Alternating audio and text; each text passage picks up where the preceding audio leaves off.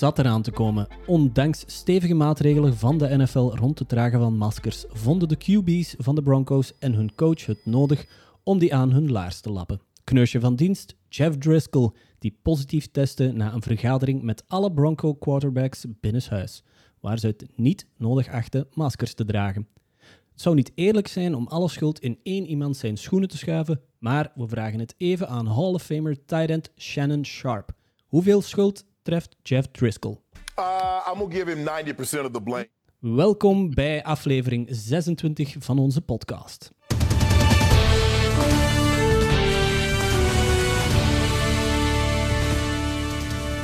Laurens en Frans die zijn er terug bij. Eh goedemorgen moet ik nu zeggen, want normaal gezien nemen we altijd op eh, s s'avonds. Goedemorgen. Goedemorgen, inderdaad, ja. Dag, eh, dag Frans, ik ga even naar u eerst. Het is toch al terug een tijdje geleden dat, eh, dat, u, dat, dat jij erbij was. Wat, wat komt daar toch eh, steeds tussen eigenlijk? Maar ja, eh, ik denk dat de meesten van ons ook nog wel een, een werk hebben naast onze passie American football. Ja. En het was iets drukker, Ja. waar ze me ook nodig hadden op rare tijden. Ja. En daarnaast had ik ook ehm, de laatste tien dagen de eerste twee wedstrijden voor Eleven Sports.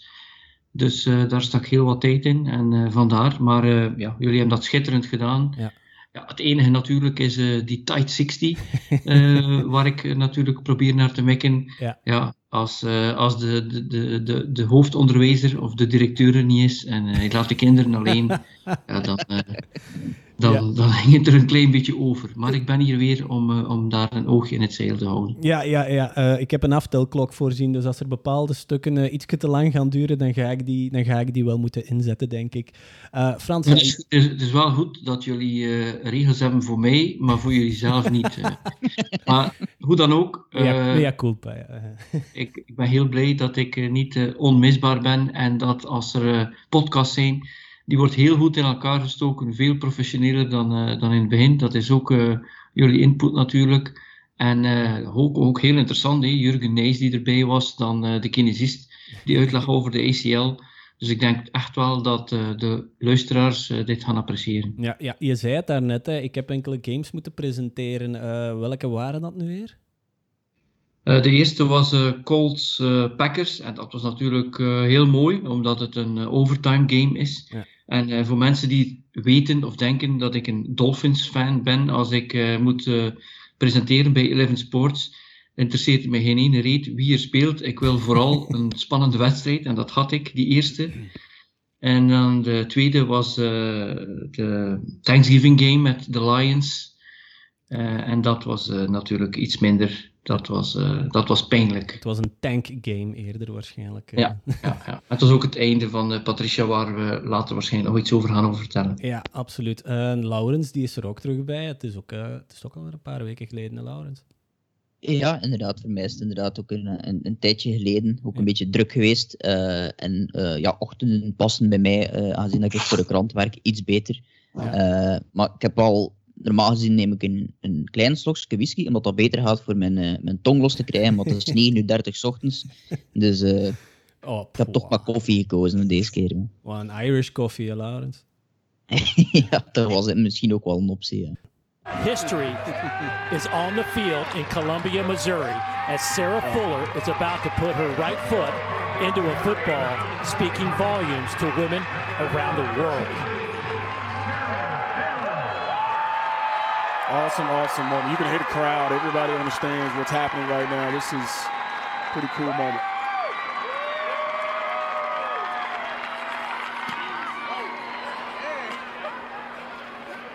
We were all patiently awaiting the entire first half, hoping we'd get to see you take the field, but you come out after halftime, you take the field for the kickoff. What was your mentality in that moment? Honestly, I was just really calm. Uh, the SEC championship was more stressful, if I'm going to be honest.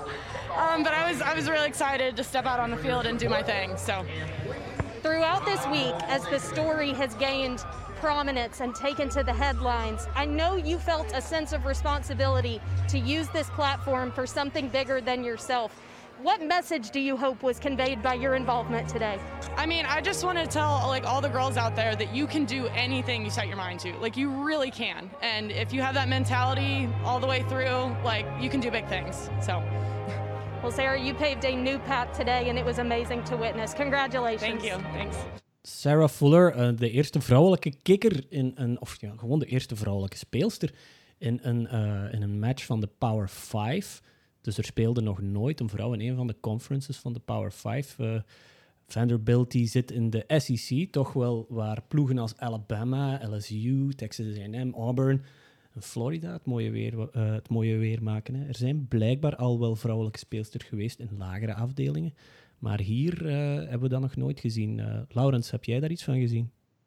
Ja, ik heb het, eh, ik heb het denk ik zoals iedereen die, die ergens wel iets volgt van, van voetbal op, Facebook of Instagram. Het is wel overal gepasseerd, denk Ja. ik.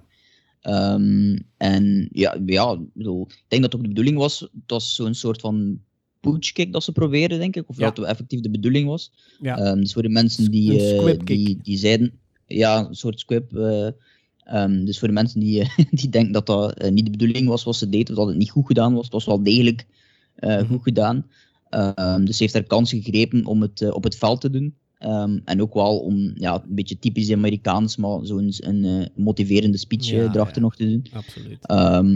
Maar ja, het, het kan alleen maar een voorbeeld zijn voor, voor andere meisjes en vrouwen om het te doen. Het, het is geen makkelijk parcours om het te doen, denk ik. Maar het is niet onmogelijk. En dat is van, ja, door haar gebleken. Dus eh, we kunnen daar alleen maar toejuichen, denk ik. Dat, dat er nog meer soorten mensen, om Ja. het al zo te zijn. Er zijn al zoveel verschillende types eh, die, die, die ja, deze sport kunnen doen. En dat is, eh, dat, dat is een van de redenen waarom we dat het leuk vinden. Ja. En als daar ook een, een, een ander geslacht bij kan, waarom niet? Ja, tuurlijk. hè. Dat, is, dat, is, dat, is, dat is even leuk. Ja. Ehm, dus eh, Sarah Ja. Fuller, dat was de, de week ervoor speelde die nog kampioen in die SEC in Ja, het voetbal. Zij is een, eh, zij is een doelvrouw. Dus ja, het, het uittrappen zou geen probleem mogen zijn. Dus inderdaad, het, is, het moet wel duidelijk zijn dat die, dat die squib kick, ja, dat dat volgens, dat dat volgens eh, bevel was eigenlijk. Want inderdaad, ja, iedereen die iets met, met, met voetbal heeft te maken, als je zelfs, zelfs in Amerika, zelfs het college voetbal, eh, daar trapt een vrouwelijke doelvrouw nog steeds eh, de bal een, een, heel eind verder. Dus die had gemakkelijk...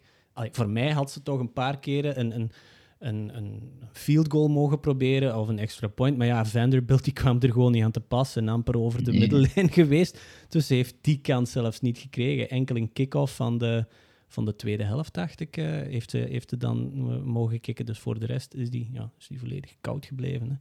Hè. Eh, Frans, eh, in de Belgische competitie, ehm, ik heb daar geen kennis van, van die geschiedenis, maar zijn daar ooit vrouwen komen aandraven bij de trainingen of hebben die meegedaan tijdens wedstrijden? Ja, ik herinner me in de jaren, eind jaren 80, begin jaren 90, bij de Austin Tigers was er een vrouw die mee trainde. Ik kan me niet herinneren dat die meegedaan heeft aan wedstrijden. Hm. En in de, tussen 2000 en 2010 herinner ik me zeker dat er bij de Isleham Redskins of West Vlaanderen Tribes ook een, een meisje was die mee trainde en ik denk ook gespeeld heeft. Eh, en ik denk ook dat er nu iemand is die meetraint bij de Isleham Tribes, als ik me niet vergis. Ja, ja inderdaad. eh Bieke Leenknecht, eh, we zitten daarmee Ja, in contact. Dus ehm Bieke, als jij dit hoort, de kans is misschien klein, want ik weet niet of, de, of, ze, ja, of, of ze naar podcasts luistert. Dat, die leeftijd zit meestal iets hoger dan, denk ik, de leeftijd van Bieke. Wij, eh, we zouden u graag op de podcast hebben, dus neem contact met ons op. Ehm, kijk, hè. ja. Eh, maar, Maar- Bieke- ja, wat ik heeft wel- eh, net twaalf minuten geleden eh, antwoord op eh, mijn bericht. Ah, kijk eens net. aan. Dus, eh, mooi, mooi, mooi, mooi. Dat is misschien iets voor dus volgende week. dat is voor volgende week. Maar wat ik wel eh, zie is, eh, dus die, die, ja, er zijn heel wat eh, meisjes die natuurlijk eh, flag en zelfs touchvoetbal spelen als ze jonger zijn. Ehm, wat ik zie is, wat mij wel verwondert, is dat ik nog niet eh, speelsters gezien heb die dan misschien tot dit niveau kunnen doorstromen op andere posities. En daarmee bedoel ik, hé, dat is nu kikker. ja, je weet, sommige kikkers die zien er wel ripped uit, zoals in de tijd die, die kikker van de Giants, Weatherford, als ik me niet vergis. dat was gewoon een halve bodybuilder. Sommige kikkers, ja, die zijn eigenlijk, die hebben stokkenbeentjes. maar ik heb nog naast NFL-spelers gestaan, die eigenlijk topspelers waren. Ik herinner me dat ik naast Darrell Reeves stond. Die was niet veel groter dan mezelf en ik ben een meter 72. Mm. En die leek mij ook tamelijk vreel. En ik dacht bij mezelf, hoe doet die kerel dat? Hey, Reeves Island en cornerback, toch, hier uh, cornerback. Ja. En wat me dan verwondert is bijvoorbeeld, je ziet wel dat in de NFL de iets uh, skinnier, maar wel snelle spelers op returner zijn. En, en dan zou ik me toch wel voorstellen, als een vrouw world-class speed heeft, dat hij dan op return punt return of kick-off return, die zou eventueel wat potten kunnen breken. En dat vind ik raar dat dat er nog nooit van gekomen is. Iemand die bijvoorbeeld op de wereldtop loopt van de 100 meter, die zou bijvoorbeeld dit wel kunnen. En dat zijn atletes. Dus. Ja. En, en ik zeg het, ik heb echt topspelers van de NFL live gezien, waarvan ik denk, oei, omdat je dan zou denken, ja, de, de, uh, hoe, hoe een vrouw haar lichaam is, dat, dat kan niet overleven in de NFL. Nee, ja je moet soms maar eens kijken naar Tyreek Hill of die Hardman ja. uh, bij, bij de Chiefs. Dat, dat, zijn geen, uh, dat zijn geen massaal grote mensen en die, die overleven dat ook. Ja, dus dat zou ik graag wel eens zien. Niet alleen dat, dat kikker uh, deel, maar, maar ook gewoon ja, een skill position. Ja, maar ik denk ook dat we vooral en, en, daar moeten we toch, ay, daar moeten we toch toegeven dat er nog altijd een, een, een heel grote, excuseer, een heel grote macho-cultuur heerst Zowel in het college, denk ik, als in het NFL. En dat het op lagere niveaus, bijvoorbeeld, dat hier in België dan, daar, wij, wij kijken daar bijna niet meer van op. Bijvoorbeeld, moest er nu een, een, een, een vrouw of een meisje komen, komen uh, aankloppen bij iemand van onze ploegen, dan is het van, ja, kom, doe maar mee, doe je schoenen maar aan en je wordt behandeld als de rest. Maar ik denk dat in Amerika toch nog altijd die macho-cultuur uh, daarover heerst. Want als je de, de, een beetje de fallout van die kick van, van Sarah Fuller ging bekijken op Twitter of op Facebook, dat was ay, 80% ervan was weer al was, was vuilnis, was garbage, gewoon wat dat ze daarover hadden zeggen, in plaats van inderdaad wel te zeggen van kijk, dit is een mooie kans, dit is een voorbeeld geweest. Nee, het ging, het ging altijd over ja, een, 13-jarige had dat beter kunnen doen, had dit, had dat. Um, ze moeten niet vergeten dat um, Vanderbilt, dat die zonder hun special, dat, dat die zonder deel van hun special teams zaten. Die zaten in COVID protocol.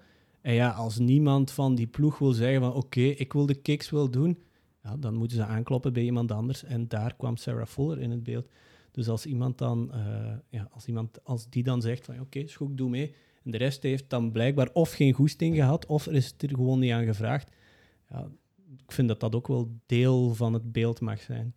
Maar de, de reden waarom je ook veel minder vrouwen gaat hebben uh, die doorstromen daar, is die piramide is er niet. Je, je, hebt, voor American football heb je een piramide waar onderaan 250.000 mensen dat in high school doen en 15.000 mhm. in college en dan x aantal duizenden in, in profs. Dat, dat, dat bestaat gewoon niet. Dus hoe, hoe zouden ze dan uh, daaruit dan eventueel kunnen toppers kweken die dan eventueel ja. bij de mannen meedraaien? Dus dat moet je ook wel zien. En wat je ook wel hebt is, ik bedoel over dat, dat uh, gelijktrekken. Ik heb het wereldkampioenschap voetbal voor vrouwen een stuk gezien. En uh, ja, ik bedoel, dat, dat gaat er dan over, we willen dezelfde betaald worden, we willen dit, we willen dat. Ik heb daar dus af en toe vrouwen zien spelen in het wereldkampioenschap waarvan ik dacht, die kunnen dus absoluut in, in derde klasse mee in België, of tweede klasse of provinciale. Ja. maar ik heb ook veel, veel teams zien waarvan ik dacht, ja, daar kan iemand die nu U19 is, uh, in vierde provinciale, die speelt iedereen daar op een hoopje. Dus ja. uh, ze, allee, ze moeten het ook in perspectief zien. Sommige vrouwen in sommige sporten, die zijn gewoon uh, bijna de evenknie van de mannen. En in sommige sporten is het, is het nog dat niet. En dan heb je heel veel meisjes die voetbal doen. Maar heb je er veel minder die American football doen. Dus vandaar dat dit wel een ongelooflijke ja, prestaties van haar om, om, om dit te kunnen doen. Ja, ik weet nog, ik, ik heb zelf, ah, ik heb heel mijn leven gevoetbald. Ik heb, ik heb 30 jaar gevoetbald.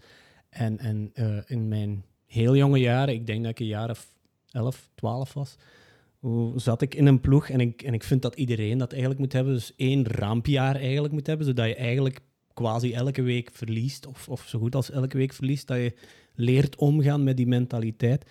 Maar dat was omwille van dat we elke week spelers tekort hadden. We, we kwamen niet aan een volledige ploeg. En dat was nog in de tijd dat er bij ons in, in Meerhout dat er ehm, twee vrouwenploegen waren.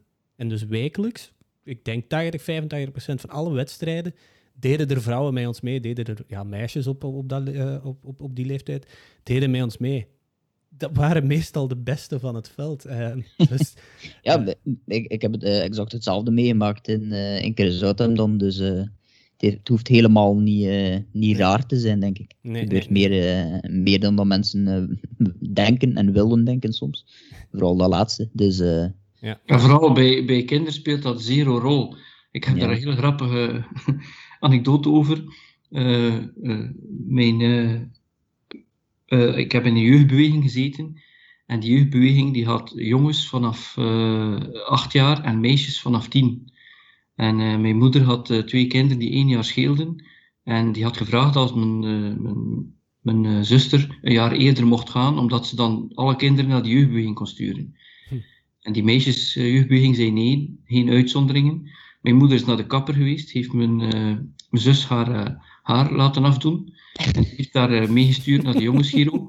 En dat was ongelooflijk om te zien hoe die dan aan het voetballen waren. En ik moet zeggen, mijn zus was wel heel sportief. We hebben later ook keurturnen gedaan. Ja. En dan zag je die, die jongens roepen: Carolien, pasje, pas de bal, Carolien. En niemand had door dat dat eigenlijk een meisje was.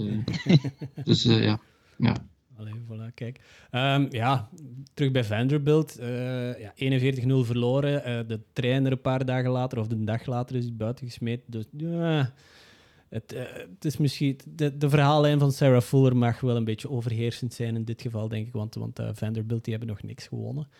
Ehm, maar Dirk, eh, een van onze podcasters, die zei wel van ja, daar moet je eigenlijk niet veel van aantrekken dat die verliezen, want het is eigenlijk een, een baseballschool en geen, geen voetbalschool.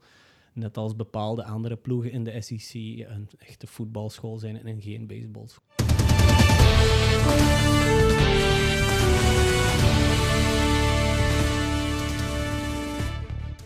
Yeah, so uh, I can easily say, you know, this has been the most eventful 24 hours um, of my life. Um, but you know, when I got the call, it was, uh, it was, you know, pure excitement. You know, of course, there was nerves and disbelief, but um, you know, the encouragement the team have gave me, and you know, guys, guys just keeping me up the whole time. It's they made it a lot easier for me.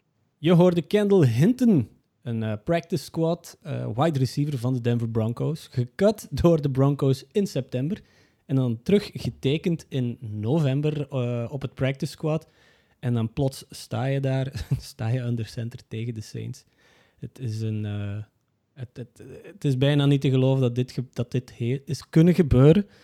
Maar ik begrijp het wel, eh, Frans. Jij had daar een redelijk uitgesproken mening over, hè, over die eh, QB-situatie in, in, in Denver. Maar ja, wat er gebeurd is, eh, eh, ik bedoel, dat is natuurlijk. eh, ja, in feite voel je wel dat de NFL de, team, de verantwoordelijkheid bij de teams wil leggen en ook de teams wil straffen. Mhm. De NFL zegt eigenlijk simpelweg: je had iemand die eh, COVID had, de anderen hebben zich niet veilig gedragen. En dan gaan wij deze wedstrijd voor jou niet uitstellen, trek je plan. Ja. Nee, Ze mochten die, eh, die assistant coach niet eh, eh, als, als quarterback gebruiken. Ro- Rob Maar wat ik wel, ja, wat ik wel vind is, er zijn twee zaken die men moet zien. Eh, Ik denk dat men nu ondertussen wel doorheeft dat quarterback spelen in de NFL dat dat niet gemakkelijk is. Dat is één. Maar wat ik ook vind is dat de Broncos hierin gewoon veel te weinig initiatief hebben getoond als je dan eh, de play zag. Hè. Die jongen heeft eh, één eh, pass completed van negen, twee onderscheppingen gegooid en die onderscheppingen waren diepe ballen. En dan vraag ik mezelf af, hè, als, als je dit in de, in de BFL of in de Belgian Football League zou tegenkomen, dat de dag voor je begint dat je, je quarterback er is, of zelfs je backup quarterback, dan zouden wij waarschijnlijk, of dan zou ik een NFL-team verwachten, dat die kerel eh, de offense samenroept en zegt, jongens, laat ons hier nog eh, drie uur samen kijken hoe we dat hier kunnen oplossen. Wat, waar is jij goed in, waar is jij sterk in? En wat ik bijvoorbeeld totaal niet zag, dat was een moving pocket.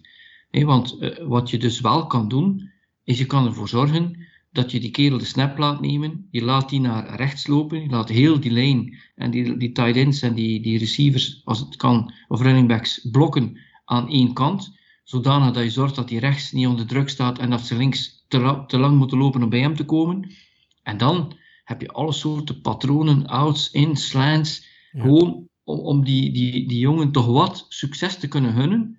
Maar nee, hij stond daar in die pocket. Hij moest daar reads doen tegen een toch wel uh, goede defense. En dan had hij natuurlijk geen kans. Dus ik vind dat het feit dat hij het gedaan heeft, dat is uh, ja, remarkable. Maar het feit dat de Broncos daar niet meer hebben uitgehaald, dat vind ik wel, uh, dat, dat kan ik niet echt begrijpen. Ja, nee, ik vond het ook. Ik, die eerste, um, de, zeker de eerste kwart was het echt wel nog de bedoeling om uh, in die pocket uh, daar te laten staan en echt passplays te callen. Of, ja, heel raar om dat te doen bij iemand die, die, die, ja, 24 uur ervoor eigenlijk nog niet eens wist dat het ging doen, denk ik. Um, maar ja, het is het meeste 2020-ding tot nu toe in de NFL. Um, een practice squad receiver die moest starten op quarterback. Uh, maar ja, dan heb je ook nog een keer pech dat je doet tegen een, een, defense die, die heel goed is in de run. Dus als je dan denkt van ja, we gaan het proberen uh, langs de grond, omdat we een quarterback hebben die in principe niet zoveel kan, uh, kan gooien. Uh, dan heb je ook nog een keer pech dat, dat ja, de run game ook niet, niet ver geraakte. Um, dus ja, de Broncos hebben eigenlijk ook wel aan zichzelf te danken. En ik denk dat de coach ook achteraf redelijk streng was tegenover ehm, zijn quarterback zelf. Dus uh, benieuwd wat de gevolgen zijn verder dan enkel maar die wedstrijd. Ik heb ja. gezien dat hij nu ondertussen, Kendall Hilton, dan terug weer in de practice squad is uh, gedemoteerd. en dat de, de drie andere quarterbacks negatief getest hebben. Um, dus dat in principe zal er weer een, een, een, quarterback staan volgende week, een echte quarterback dan. Ja. maar, maar, toch, ja, het is, het is ja, meest 2020 ding tot nu toe, vind ik. Hè. Ja, inderdaad. Ik denk dat we na deze wedstrijd heb ik toch net ietsje meer respect voor bijvoorbeeld de Mark Sanchez'en van, uh, van de wereld en de, ja, de, de QB's waar ik van zeg van, huh, wie zijn dat? Dus ja, inderdaad, zoals je, zoals je zegt, Frans, quarterback spelen in de NFL. hij, had, hij had nog geen 24 uur voor, ja, voor eigenlijk het, het, hele offensieve playbook van, van, van de Broncos van buiten te leren. Laat staan dat hij dat hij diepe passes ging gooien. Inderdaad, uh, dat hij niet meer. Of, eigenlijk zou je gewoon je hele trick playbook moeten, moeten opentrekken in die wedstrijd. Je hebt niks te verliezen. Maar uh, ze hebben toch maar lekker evenveel punten gescoord als de, uh, als de Buccaneers tegen de Saints. Dus dat, dat, is, dat vond ik ook wel een redelijk opvallende statistiek. Ze hebben zelfs met minder verloren. Hoeveel was het? Ja, maar het is ook, het is ook een, in feite is het ook wel een indictment over quarterbacks in college. En ik heb eigenlijk te weinig tijd om naar veel wedstrijden in college te kijken, maar het, het, is ook niet altijd even leuk, omdat je ziet wat krijgen die quarterbacks in college voorgeschoteld. Dat is eigenlijk uh, die, die, die, die quarterbacks in de betere teams, die hebben ongeveer een twee, drie wedstrijden die misschien echt wel topwedstrijden zijn of die ook tegen een goed team zijn. En de rest, dat zijn bijna allemaal cakewalks. Vandaar dat ik niet altijd zo me daar kan, uh, mijn tijd daar kan in stoppen. Dus wat heb je dan? Je bent dan een quarterback je speelt daar dan drie of vier jaar als starter. Maar je gaat misschien in al die tijd een tiental wedstrijden of in die playoffs een paar wedstrijden hebben waar het om de marbles gaat. En de rest, ja, dan, dan, dan, zit het, dan is het eigenlijk een, een, een soort walkover. En dan zie je welk soort quarterbacks maken het dan wel in de NFL. Mensen vergeten dat uh, Peyton Manning speelde bij uh, Tennessee. En uh, Russell Wilson bij, wat was het, Wisconsin. En, en Aaron Rodgers bij Cal Berkeley. men denkt dus telkens dat, dat, dat die, die, die quarterbacks die de National Championship winnen en die undefeated zijn, drie, vier jaar, dat dat de quarterbacks zijn die klaargestoomd worden voor de NFL. En dit is nu iemand die bij Wake Forest quarterback is geweest. Ik bedoel, dat, dat is geen pannenkoek. Hè? Dat is iemand die daar zoveel wedstrijden zo gezegd onder center of in de shotgun gestaan heeft en die dan in een NFL-wedstrijd maar één pass kan, uh, kan completen. Dus op een of andere manier is de disconnect tussen college en NFL zo groot dat het dan zo moeilijk is. En je ziet het ook, hé, we zien telkens dat er een zeven of achttal quarterbacks worden gedraft in de eerste twee, drie ronden. En dan is er altijd maar één of twee die uiteindelijk een franchise quarterback wordt. en, en, dat is te weinig. Dus uh, ik denk dat quarterbacks gewoon eh, de, de, van de betere teams te weinig tegenstand hebben. En dat andere quarterbacks gewoon, ja, dat, dat de systemen niet uh, op maat gemaakt zijn om dan in de NFL eigenlijk te kunnen shinen. Ja, en, dit was duidelijk. In zijn laatste jaar, in zijn laatste jaar speelde Kendall Hinton als wide receiver. Hè? Dus hij heeft, hij heeft een volledig jaar heeft hem nog als wide receiver gespeeld. Heeft dan goede cijfers op het bord gehangen. Maar dus hij heeft zijn college-carrière niet afgesloten als quarterback. En dat zal er wel een klein beetje uitgaan, denk ik. Zeker als je dan nog eens uh, wordt aangenomen als wide receiver voor een NFL-ploeg. Dan denk je toch van ja, die quarterback-positie of die dingen, die moet ik daar eigenlijk niet meer over gaan onthouden. Die, ik moet mij volledig concentreren op het wide receiver gebeuren. Dus mijn pet gaat toch wel af voor die, voor die man. Ja, maar ik bedoel, ik ben 53. Als, als morgen een van de PFL-teams uh, allemaal COVID heeft en ze bellen mij, dan ga ik wel achter op onder cent staan. En ik, ik herinner mij wel nog ja. Uh, om een snap te nemen en een handoff en, uh, en een dump-off pass. Het zal wel lukken, denk ik. okay. Nu, ik, ik wou nog iets bij vermelden. Ja. Uh, dit is dus een undrafted free agent, eh, die dus, laten we maar zeggen, Jojo wel niet practice squad en een team heeft. Um, in 1998 was er een quarterback, Ryan Leaf, die had één, één pass van 15 en ook twee onderscheppingen. Dat was eigenlijk nog slechter dan Kendall Hinton. Maar dan moet ik er wel bij vertellen dat Ryan Leaf de tweede werd gepikt in de draft van 98 en dat er een trade is geweest met de Cardinals. En de Cardinals hebben de eerste ronde pick naar de Chargers gegeven en kregen daarvoor, uh, dat was de tweede plaats in de, in de draft, kregen daarvoor een eerste ronde pick en dat was de derde uh, pick dit jaar van 98. Een tweede ronde pick in 98, dat was de 33ste keuze. En een eerste ronde pick in 99, dat was de achtste overall. En ze kregen dan nog twee spelers. Mm. Uh, ja, dus, Ryan Leaf is toch dus, een van de grootste draft busts uit de geschiedenis, dacht ik. Hè? Ja, inderdaad. Maar Ken, Kendall Hinton kan zeggen dat hij het beter gedaan heeft dan, uh, dan een, uh, iemand die in de tweede, de tweede gepikt is in de draft. Wat iets minder verslaafd aan pijnstillers, uh, kende Hilton. ja. Dat was, uh, Ryan Leaf was uh, een beetje een addict in die periode nog.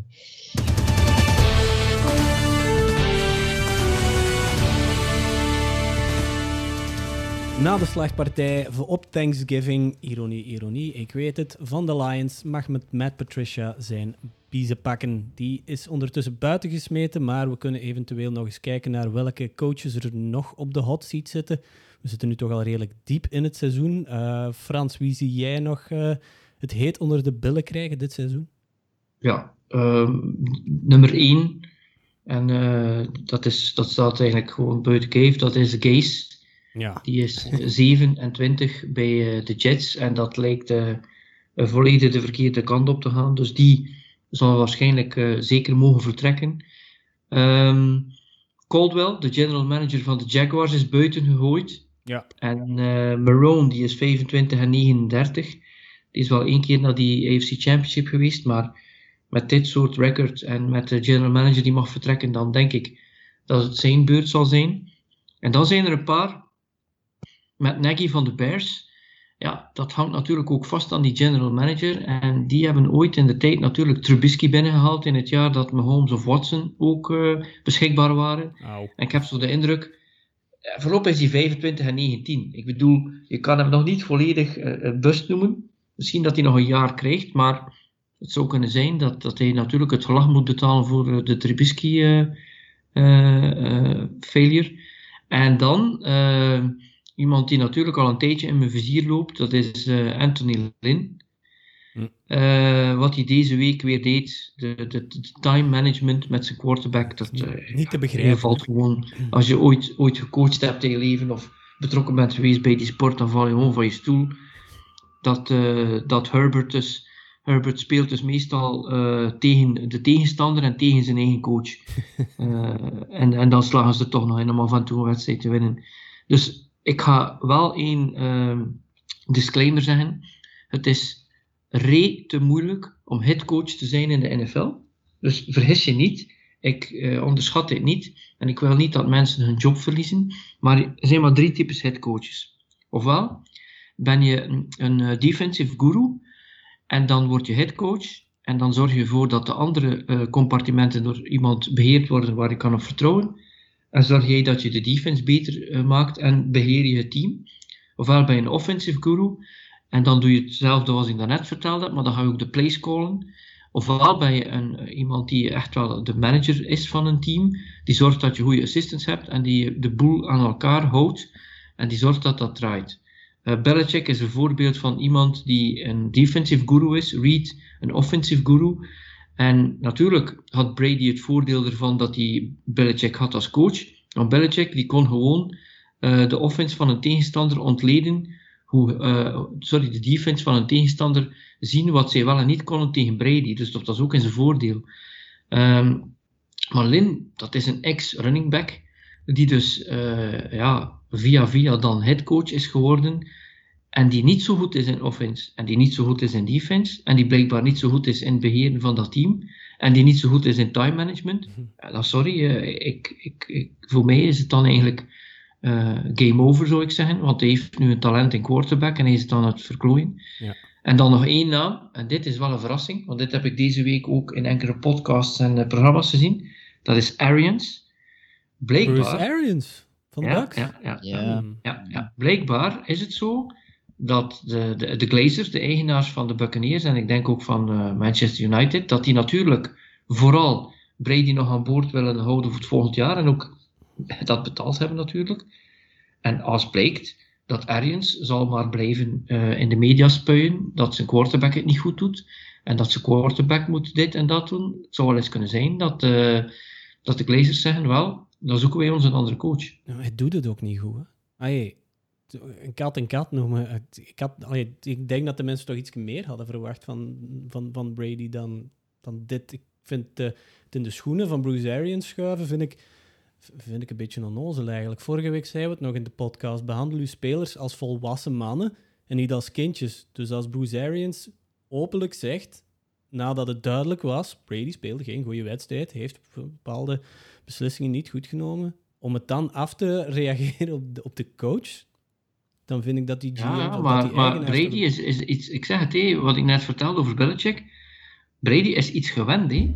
Brady is gewend dat Belichick zijn eigen defense wekelijks verandert en klaarstoomt om die andere offense aan te kunnen. En dat Belichick de defense van de tegenstander volledig door, uh, Hm? uh, do doorscout en tegen Brady zegt, daar liggen de mogelijkheden. Dat moet je doen. Dit Ja. moet je niet doen. Want je hebt sommige wedstrijden gezien, uh, fantasy-spelers die weten het. Als je een running back hebt voor de, voor de Patriots, dan kun je zowel al het, voor het seizoen uh, zeggen, ik ga geen enkele wedstrijd winnen. Maar je weet nooit wie de bal krijgt. Maar dat is die, die, die aanpassing die, die Belichick iedere week deed. En Brady, die kon daarvan profiteren. En ik heb de indruk dat Arians gewoon zegt van, we gaan uit van onze sterkte.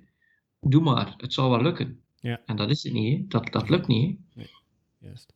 Oké, okay, Ja, nee, eh, zeker niet, omdat hij ook, ja, ook een aantal spelers dan in Gronkowski en, en eh, Brown binnenhaalt, die dan eigenlijk ja, door Brady binnengehaald zijn, maar dan ja. wordt dan door Aaron zo nog half gezegd van nee, nee, dat, dat, dat komt door ons. Dus ik heb ook dingen gelezen dat ze niet echt uh, helemaal uh, fantastisch overeenkomen. Um, maar het is toch wel vreemd inderdaad dat je dan, um, ja, vreemd. Het is ook zo natuurlijk, um, die eigenaars denken ook niet alleen in, uh, in het sportieve verhaal, maar die beseffen natuurlijk ook dat Tom Brady ervoor gezorgd heeft dat de Buccaneers weer ja, relevant zijn. En, en wat Arians ook mag doen, daar gaat hij nooit in slagen. Dus die denken ook in, in ja, verkoopwaarde, denk ik, of, of in koopwaarde ja. van hun team en in, in media aandacht aan hun team. Dus die denkt misschien ook op die manier in de hoop van, uh, van Brady toch nog. Uh, ja, maar het is niet meer de Brady van, van ergens anders nee, en heeft dat dan met leeftijd ja. of met Belichick te maken. Dat moet hij beseffen. Um, ja, ja, dat moeten ze inderdaad beseffen. Maar ja, de, de vraag is of dat de, de eigenaar van een NFL-team heel veel beseft. Als het over sportieve gaat, dat vraag ik mij soms ook af. Um, dus ja, ik, ik, het zou een heel rare keuze zijn, maar voor mij is de hot seat uh, misschien eentje die nog vergeten is, uh, Doug Peterson. Pissed off, Angelo. sorry, sorry Doug. Ja. dat is nog een excerpt van een, uh, een interview, zeker een aantal weken ja. geleden, van ja. Doug Peterson. Maar ja, die ook heel rare dingen zegt over zijn eigen job en over de job van de quarterback, die niet helemaal uh, zeker is. Ehm, en ook niet echt een optie of, of ja, ja, een of andere idee heeft om, om uh, de shitshow die, uh, die de Eagles zijn, om dat op te lossen. In een divisie waarin dat alles mogelijk is. Um, dus ja, ik denk dat die ook, die heeft natuurlijk het voordeel dat hij de Super Bowl gewonnen heeft. En dat hij daardoor misschien iets minder makkelijk buiten ligt. Uh, maar het gaat ook niet blijven duren, denk ik. Uh, tegen het einde van het seizoen moet er toch een, een soort van oplossing komen. Uh, en ik, of dat die bij Jalen Hurts ligt, dat betwijfel ik ook. Maar ik denk dat die ook wel redelijk heet onder de voeten krijgt. Maar ik denk dat je, als je dat zo in een vacuüm bekijkt, dan heb je gelijk wat, wat, wat Peterson dit jaar doet en, en hoe dat gaat met Wentz. Want dat, dat is echt wel een enigma, die quarterback voor mij. Eh, ik zie soms een play waar ik denk, oeh ja, dat is franchise quarterback material. En dan zie ik een play van ik denk, oh my god, dat heb ik zelf nog gedaan op de Belgische velden. en uh, ik, was geen goede, goede quarterback. Maar hij is 45, 35 en 1. Dat is belangrijk. Eh? als je alle coaches bekijkt en kijkt waar ze staan, dan moet je eerst zeggen, heeft hij een winning record? Ja. En ten tweede, ja, ja die Super Bowl in principe, als je een Super Bowl wint, dan kan je er bijna zeker van zijn dat je dan uh, een paar jaar ja, een soort uh, get, get out of jail card hebt. Uh, mm. Dan ga je zomaar die man niet aan de kant zetten. Ehm, dus ja, en nu, wat ik natuurlijk ook wel nog vergeten te vermelden heb, want Patricia die is buiten gegooid van de Lions. En dat was ook lang overdue, want uh, als je ziet hoe de spelers die ooit voor hem gespeeld hebben gereageerd hebben op Twitter. Ja, die man, hem echt. Man, man, man, dat was gewoon, dat was hate.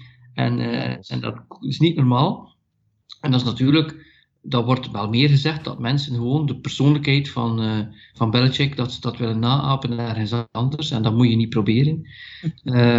maar het is wel heel interessant dat er onmiddellijk rumors waren van wie hem zou vervangen. En ja, er is toch één iemand die, die, die tamelijk dicht en available is, en dat is uh, uh, Jim Harbaugh. Ja. die natuurlijk ontslaan is nu bij Michigan. En ik denk dat als mensen eens gaan kijken naar wat Jim Harbaugh gedaan heeft, die heeft dus die, die, die heeft Stanford, Michigan en de 49ers onmiddellijk een turnaround gedaan. En toevallig heb ik ooit hem ontmoet toen hij coach was bij uh, uh, San Diego uh, State University, denk ik. Of San Diego University. Um, en ik heb hem daar zelf nog ontmoet. En ik denk dat het wel eens zou kunnen zijn dat, uh, dat Harbaugh daar terugkomt. Harbaugh is iemand die binnen de vier jaar met iedereen ruzie maakt, general manager en zo, maar die wel een team kan, kan doen keren. Dus uh, ja. dat zou wel een goede kandidaat zijn. Ja, en heeft ook, er is ook geen general manager op dit moment, dus misschien dat hij die ook zelf kan meenemen dan op een of andere manier. Dat iemand is waar hij beter mee overeenkomt.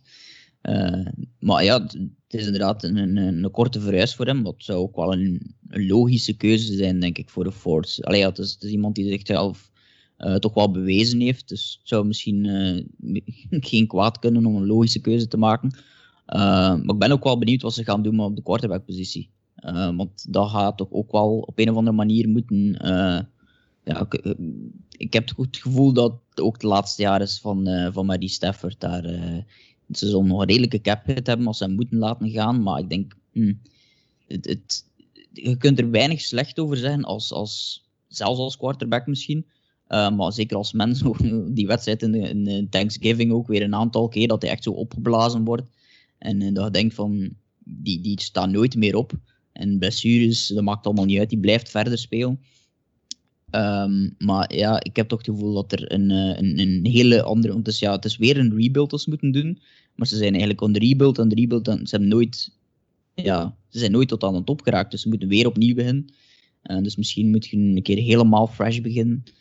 Uh, dus ik denk dat het einde, einde ja, Patricia en Quinn sowieso, maar misschien ook wel het einde van, van Stafford daar is.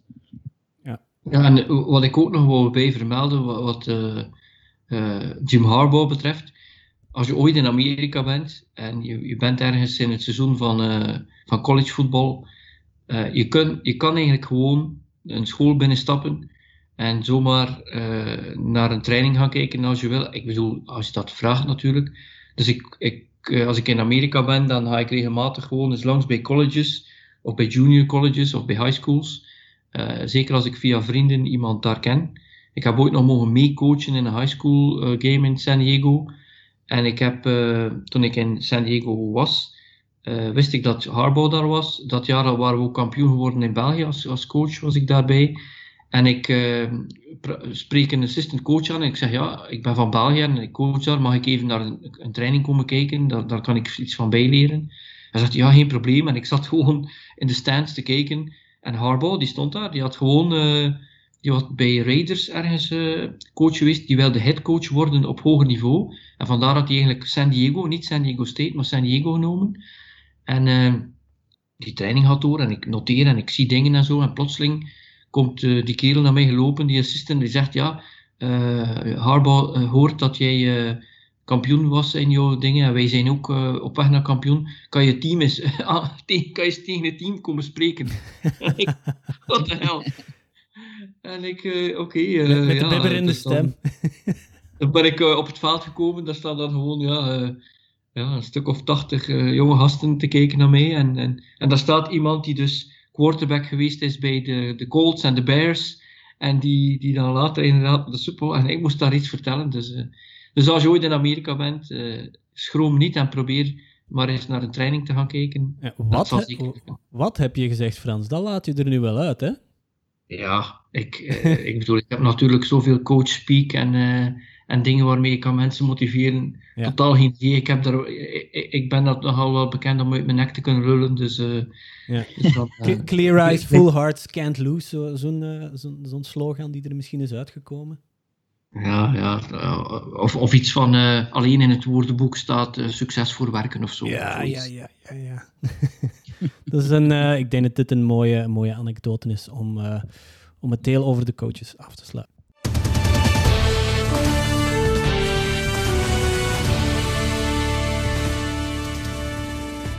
We gaan de formule een klein beetje omgooien deze week. In plaats van uh, wedstrijd per wedstrijd te bespreken, bekijken we nogmaals, zoals een paar weken terug, bekijken we de standings zoals ze nu zijn in de divisies.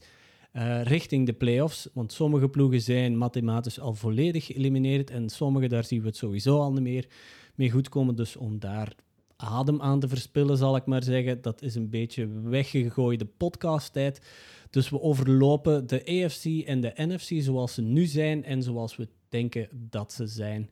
Uh, we zullen maar met de AFC beginnen. Um, eens kijken, de, de Pittsburgh Steelers die staan er nog altijd ongenaakbaar uh, aan de leiding. Unbeaten, maar met de Kansas City Chiefs in hun uh, kielzog. Met uh, tien overwinningen en één verlies. Frans, wat zien we in de AFC nog gebeuren volgens jou? Um, ik had eigenlijk voor het seizoen gedacht dat we drie teams uit de AFC Noord zouden hebben: Steelers, Browns en Ravens. Um, dan zeker de Chiefs, dan uh, de Titans, de Colts en de Bills. Dat was eigenlijk wat ik pre-season had gedacht. En nu natuurlijk, wat je ziet is uh, de Dolphins die verrassen. Uh, je kunt het niet anders stellen. Uh, een jaar geleden was dat gewoon een shitshow. En, en dan op het einde zijn ze er beginnen doorkomen. En de Ravens, ja, die, die vallen nu al uit de boot. Die staan 6-4. Ehm, en dan is de vraag natuurlijk, ja, wie zal daaruit vallen, wie zal erbij komen? En ik weet wel dat de Patriots nu een soort inhaalbeweging aan het maken zijn.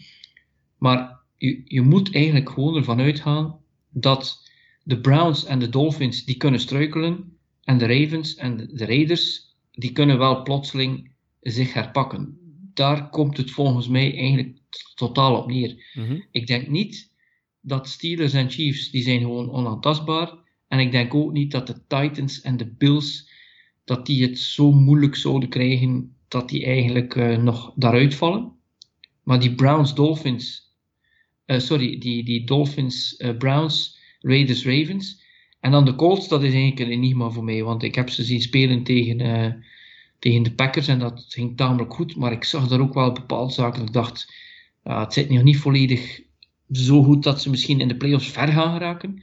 En nu lijkt het nog zelfs dat als de Ravens en de Raiders zich gaan pakken, dat de Colts misschien gewoon volledig uit de, uit de boot gaan vallen. Ja, want zoals, ze hebben nu toch wel een, een, een echt onvervalst pak slaag gekregen van de Titans. Uh, op zondag. Dat was een, ja, Uh, Derrick Henry was daar, uh, was daar gewoon aan het dirigeren op het veld. Hè. Um, ze waren de speelbal gewoon van Derrick Henry. Hè.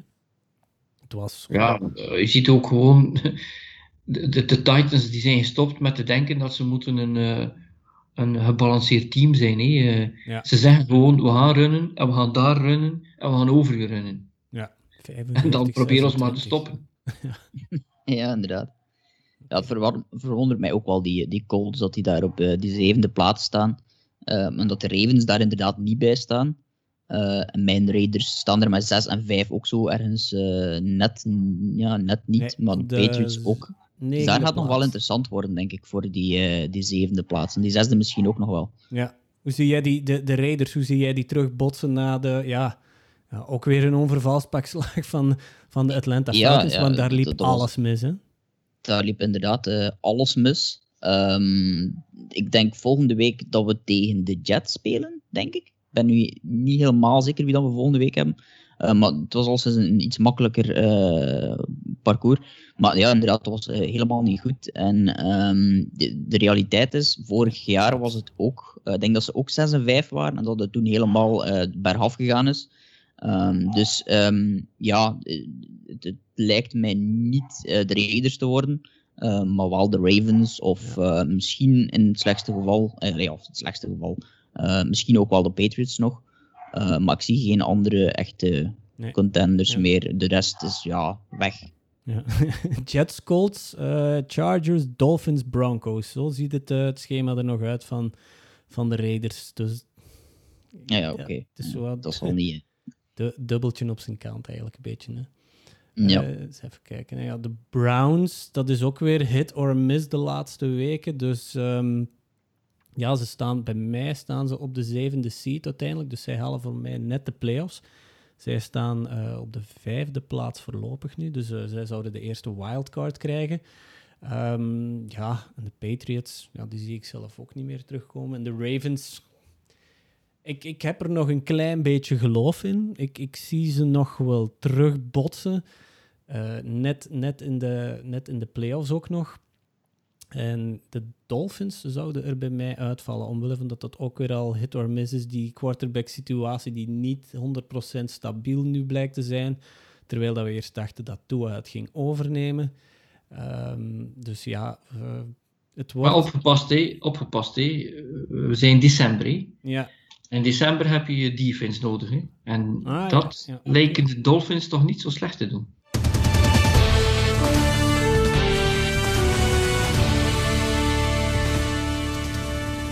De playoff standings in de NFC gaan we ook even van dichterbij bekijken. Daar staan momenteel de New Orleans Saints met 9 en 2 bovenaan. Gevolgd um, door de Seattle Seahawks en de Green Bay Packers met 8 en 3. Uh, Laurens, hoe zie jij deze teams nog in december evolueren? Um, hetzelfde als, als nu, denk ik. Ja. Um, ik zie niet zo heel veel veranderingen meer vooraan uh, gebeuren. De Saints zitten zonder Breeze, maar lossen het toch nog altijd op met Taysom Hill. Uh, de Packers hebben ja, een, een, een, beetje een vreemd seizoen, vind ik soms. Ze zitten soms helemaal bovenaan in in, in, in de schuif van, van beste teams. En soms heb je het gevoel dat ze helemaal eruit vallen. Ja. Uh, de Seahawks hebben um, in mijn ogen ja, gewoon een van de, zijn in mijn ogen een van de beste teams en gaan ook misschien wel redelijk ver geraken. Uh, maar natuurlijk, als je die NFC East, uh, of ja, als je die NFC-ranglijst bekijkt, dan zit er ook op de vierde plaats de NFC East-leider. Dat ja, is de Giants met 4 en 7. moet, er moet iemand dus- bij zitten. Hè? Ja, ja, ja dus de kans is heel groot, bijna ja, zeker denk ik dat er een, een team met een verliezend um, record in de playoffs gaat gaan en waarschijnlijk nog een bye hebben in de eerste week, omdat ze de divisie gewonnen hebben. Dat is ja. op zich al waanzinnig. Uh, zegt alles over die NFC East of Least. Ja. NFC Least, zoals dat uh, Skip Bayless van uh, in de Spirit ook altijd zegt. Um, maar verder, ja, onderaan is het uh, de Rams, de Bucks en de Cardinals. Dat lijken mij de, teams die dat ook op basis van een record en op basis van een spel misschien ook wat het meeste verdienen. Um, de Vikings en de Bears en de 49ers zitten er nog al redelijk dichtbij, hebben allebei 5 en 6 record. En de Cardinals bijvoorbeeld een 6 en 5. Dus dat zit nog allemaal redelijk dicht bij elkaar. Ehm, maar ik denk dat, dat die, die zeven die er nu staan, afgezien van Giants, maar ja, dat kan nu natuurlijk niet anders. En dan natuurlijk wel de teams die, die in mijn ogen het meeste zouden verdienen op basis van, uh, van wat er uh, rondloopt in hun roster, denk ik. Uh, de 49ers hebben ook een goed roster, dat hebben ze natuurlijk vorig jaar vooral bewezen, hebben nu heel veel pech gehad. en hebben met Kyle Shanahan misschien een van de beste coaches van dit jaar ook. Ja. Um, maar voor de rest, ja, denk ik dat dit gewoon de, de teams zijn die er moeten inzitten. Ja. de, de Bears en de Vikings, ja, de Vikings kan ik nog wel enigszins begrijpen, omdat die nu op een, de, de weg terug zijn, zeg maar. Maar de Bears bijvoorbeeld, ja, nee, liever niet. Ja, die zijn op de weg terug. Hè. Uh, Frans, wie, wie gaat er de, de NFC East winnen voor jou? Wie gaat de, de playoff contender zijn in de NFC East voor jou? Ja, ik had uh, pre-season had ik uh, op een paar uh, under-overs voor teams haalt gezet. de, de Steelers heb ik al kunnen cashen, de Jets heb ik al kunnen cashen, de 49ers hebben we al kunnen cashen. Uh, maar uh, ja. Ik denk dat dat nog de, de interessantste ranglijst gaat zijn hier. U zegt? Ik denk dat dat nog de, eerste, uh, de, de, de interessantste ranglijst van de NFC gaat worden. Wie dat, de, de rest zien we inderdaad van ongeveer wel van. Oké, okay, die teams zullen het wel gaan halen, maar in die NFC East. ja, ja, daar had ik de, de, de Washington Redskins, of de Washington voetbalteam, sorry, ja. onder 5 gezet, omdat ik gewoon hoopte dat Haskins 10 wedstrijden ging spelen. Dan waren ze 1 en 9 en kon dan niemand anders komen. Dan, uh, maar ze, ze up iets sneller dan ik dacht. Dus eigenlijk, ja, die defense van de Redskins is zo slecht niet. En de Giants die hebben nu problemen op quarterback. Dus daar kan gewoon een swap gebeuren. Terwijl, ja, als je ziet hoeveel kritiek uh, Jerry Jones nu heeft op iedereen en alle man, ja, dan, daar is het volledig voorbij, denk ik. Maar wat er wel een heel speciaal uh, situatie is, en dat zou ik toch eens moeten uitvoeren als het uh, rekenkundig wel kan. Maar stel dat de Vikings en de Bears uh, blijven verliezen, die staan op 8 en 9. Maar de 49ers, die lijken dan plotseling weer wat herwonnen te hebben.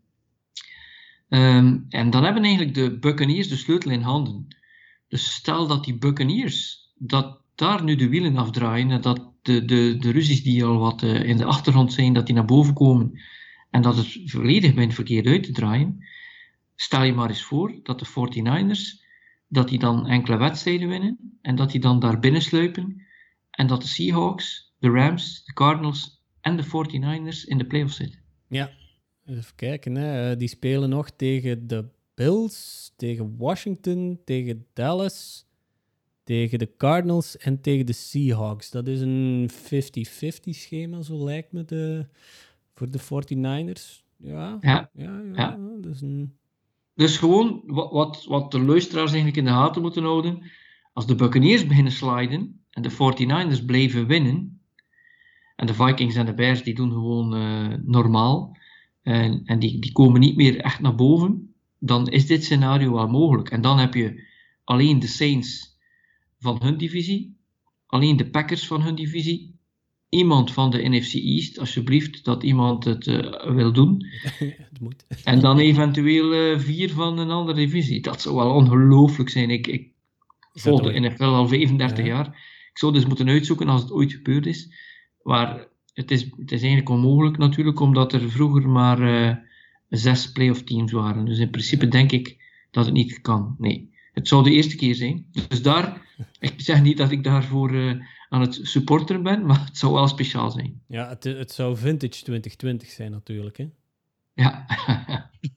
en dan, en dan uh, in de eerste ronde van de playoffs dat een van die, van die Factories of Sadness van de NFC East, dat die dan ook nog wint tegen iemand. Ja, ja ik, zie, ik zie Washington precies toch nog een beetje terugbotsen en, en, en de NFC East toch een beetje een positief cachet geven.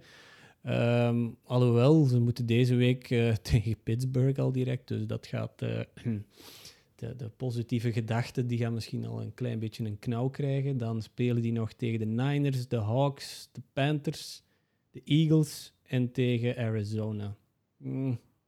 Ik heb ze boven. Als, nu, ja, ik heb ja, ze boven als, als, je, als je het echt op de keper beschouwt, uh, en laten we dan zeggen dat, dat we van de Titans nog, nog niet zeker zijn als dit blijvend zal zijn en als de Bills dit gaan volhouden, Maar de Steelers en de Chiefs, dat zie je gewoon richting uh, AFC Championship uh, stomen. En aan de andere kant, ja, Saints, Packers en Seahawks.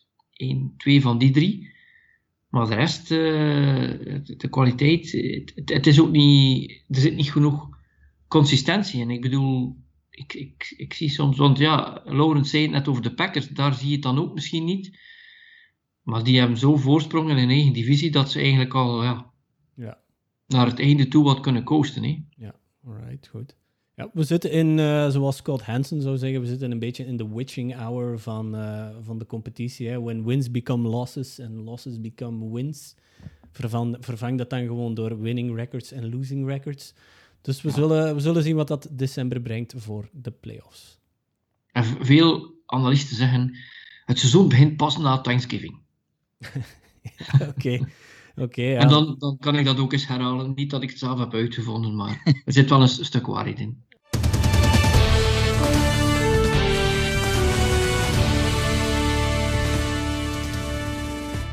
We zijn aanbeland bij onze vaste rubrieken van de podcast. We beginnen met speler van de week. Uh, Frans, wie is voor jou speler van de week? Um, als ik dan toch moet kiezen, dan zou ik toch wel zeggen uh, Derrick Henry. Ja, ja. Uh, omdat men nu constant aan het praten is over welke quarterback wordt er MVP. Dan was het eens Wilson, dan was het plotseling Murray, dan is het nu te, natuurlijk weer Mahomes.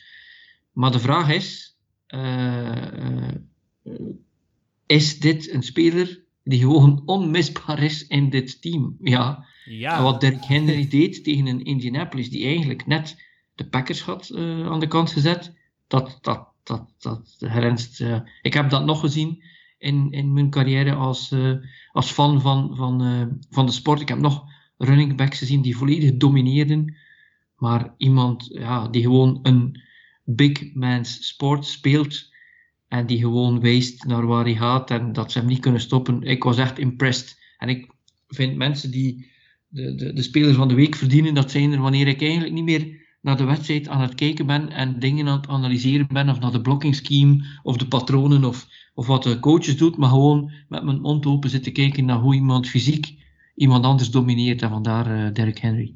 Laurens? Ja, ja, wel nog om, om op uh, Derek Henry even voor te gaan. Het is ook wel straf dat hij dat weer echt doen naar het einde van het seizoen sterker aan het worden is. En voor iemand die zo'n fysieke, fysieke manier van, van, van spelen heeft, is wel straf dat hij ook nooit geblesseerd, of bijna nooit geblesseerd is. Ja, dat hij ook allemaal blijft, vast, zeker naar het einde van het seizoen, blijft, ja, blijft sterker worden. Um, ja, zegt ook wel iets over de manier waar, ja, dat die mens in elkaar zit. Um, en als we dan direct uh, doorgaan misschien naar uh, mijn speler van, uh, van de week. ik wou ook een running back kiezen, maar ik heb uiteindelijk voor Kirk Cousins gekozen. quarterback natuurlijk. Um, ja, ik heb het hier al een paar keer over de Vikings gehad. En allee, toch al een, een, keer of twee in het feit dat ik niet echt fan van, van de Vikings, dat dat mij altijd zo een middelmatig team lijkt. Um, maar ik, ik wou gewoon eens uh, Kirk Cousins nemen, omdat ik altijd het gevoel heb dat als, uh, als ze verliezen, is het uh, Kirk Cousins zijn fout. En als ze winnen, is het door Dalvin Cook of door alles behalve Kirk, Kirk, Cousins. Ja. En ik vond hem gewoon goed nu, deze mm -hmm. keer. Um, 34 van 45 voor 307 yards en 3 touchdowns.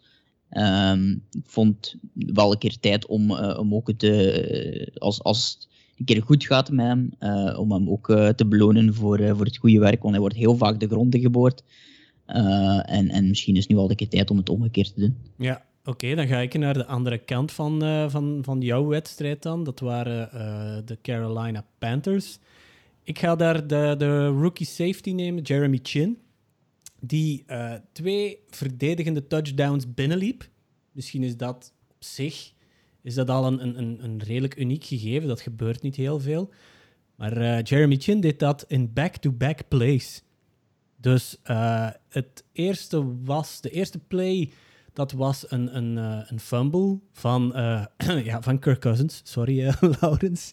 Die bal die belandde op de grond. Jeremy Chin liep die, liep die binnen. Kick-off. En de eerste play van de, van, de, um, van de Vikings. Daar fumbelen ze. Maar Jeremy Chin neemt gewoon die bal, neemt gewoon die bal uit die verdediger, uit die, uit die aanvallende speler zijn hand en loopt die binnen.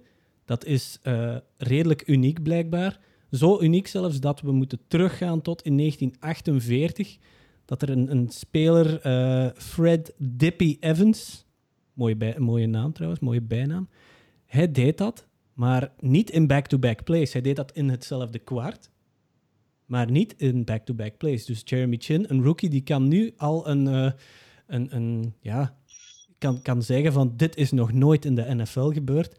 En ik denk wel dat die, dat die statistiek redelijk lang uh, gaat blijven staan. Dus voor mij is Jeremy Chin de speler van de week.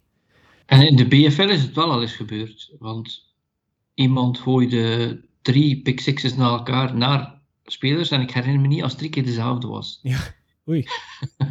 ja, ja, ja, oké. Ja, daar is het niveau net ietsje anders dan, denk ik. Daar, daar gebeuren de vergissingen misschien net ietsje meer. Maar inderdaad, dat is wel, dat is wel frappant eigenlijk. Dat, dat, uh... Ja, dat, dan, dat, dat was een van mijn uh, Hinton-esk uh, ja. wedstrijden. Oké. De upset van de week, dus de uitslag waarvan je dacht van... Hmm, ik denk dat Laurens en ik dezelfde uitslag gaan delen. Zeg maar, Laurens. Ja, de Raiders en de Falcons, denk ik dan. 43-6. Ja, ja, ja. Ja, inderdaad. Ja. Er zijn uh, deze, dit seizoen is er nog geen enkele ploeg geweest die met zo'n marge heeft verloren. En daar rekenen we de Jets dan bij. Dus, uh... Uh, ja, ja, inderdaad. Spijtig genoeg. ja, Lau Laurens, ja, voor, voor jou dan Falcons Raiders, voor mij ook. Frans, deel jij dezelfde, deel jij dezelfde gedachten? Nee, voor mij, ik dacht echt wel, Arizona is on the up en New England is on the down. En ja, ja. Maar wat daar gebeurd is, ja, dat vind ik ook uh, heel verrassend hoe, hoe, die wedstrijd evolueerde. En je voelt het, hé. Als, als je ook maar een kans, een, de kier openlaat voor, voor Belichick en zijn team. En het is scrappy en het is vechten en het is... En Arizona, die heeft wapens, die, die, die, die zou dat veel eerder moeten afmaken. En dan zie je toch nog wel hoe een ongelooflijke uh, ja, coach Belichick is om dan uiteindelijk uh, uh, Murray eigenlijk wel degelijk te neutraliseren. Ja, dat is het leuke eigenlijk ook aan de NFL. Op een bepaald moment denk je van, oh ja, dit zijn de zekerheden. Die ploegen beginnen het goed te doen, die ploegen die, die doen het in één keer slecht. Maar opeens verrassen ze je dan helemaal, net zoals de Raiders bijvoorbeeld, die een legit playoff contender leken, maar dan wel van de Falcons opeens een, een, een, een ja, een goed pak slaag krijgen. Dat is het leuke aan de NFL ook. Hè? Mm. Dan kijken we, we kijken ook vooruit naar uh, week 13. Ondertussen, voor mij staat daar dan uh, de Eagles en de Packers bovenaan. Niet per se uh, omwille van ja, mijn voorkeur voor de Packers, maar toch om weer te zien van de Packers. Op het ene moment verrassen ze je inderdaad met een hele mooie wedstrijd. Die andere wedstrijd laten ze dan weer al helemaal los. En uh, hoe dat de Eagles eventueel nog een antwoord kunnen bieden aan uh, allerhande criticasters, terecht of niet. Hoe zit het met Wentz? Hoe zit het met... Uh, met off, Angelo. Hoe zit het met Doug Peterson? Um, dus voor mij Eagles-Packers staat bovenaan de agenda. Frans, naar welke wedstrijd kijk jij uit? Um, Rams, Cardinals. Rams 7 en 4, Cardinals 7 en 6 en 5. Ja. de Rams die zijn waarschijnlijk nog in shock van wat er vorige week gebeurde die stonden daarvan, dit kan toch niet? Want de Rams speelden een tamelijk goede wedstrijd, maar dan op bepaalde momenten lieten ze het afweten. En dat kan niet. Je, als je een playoff team wil zijn of nog verder wil gaan, moet je altijd on zijn. Uh, als je zag wat, uh, wat Donald weer deed, dat was gewoon domineren en dan toch verliezen. Dus voor hen moeten ze zich herpakken. En natuurlijk, de verrassing van de week van mij van de Cardinals.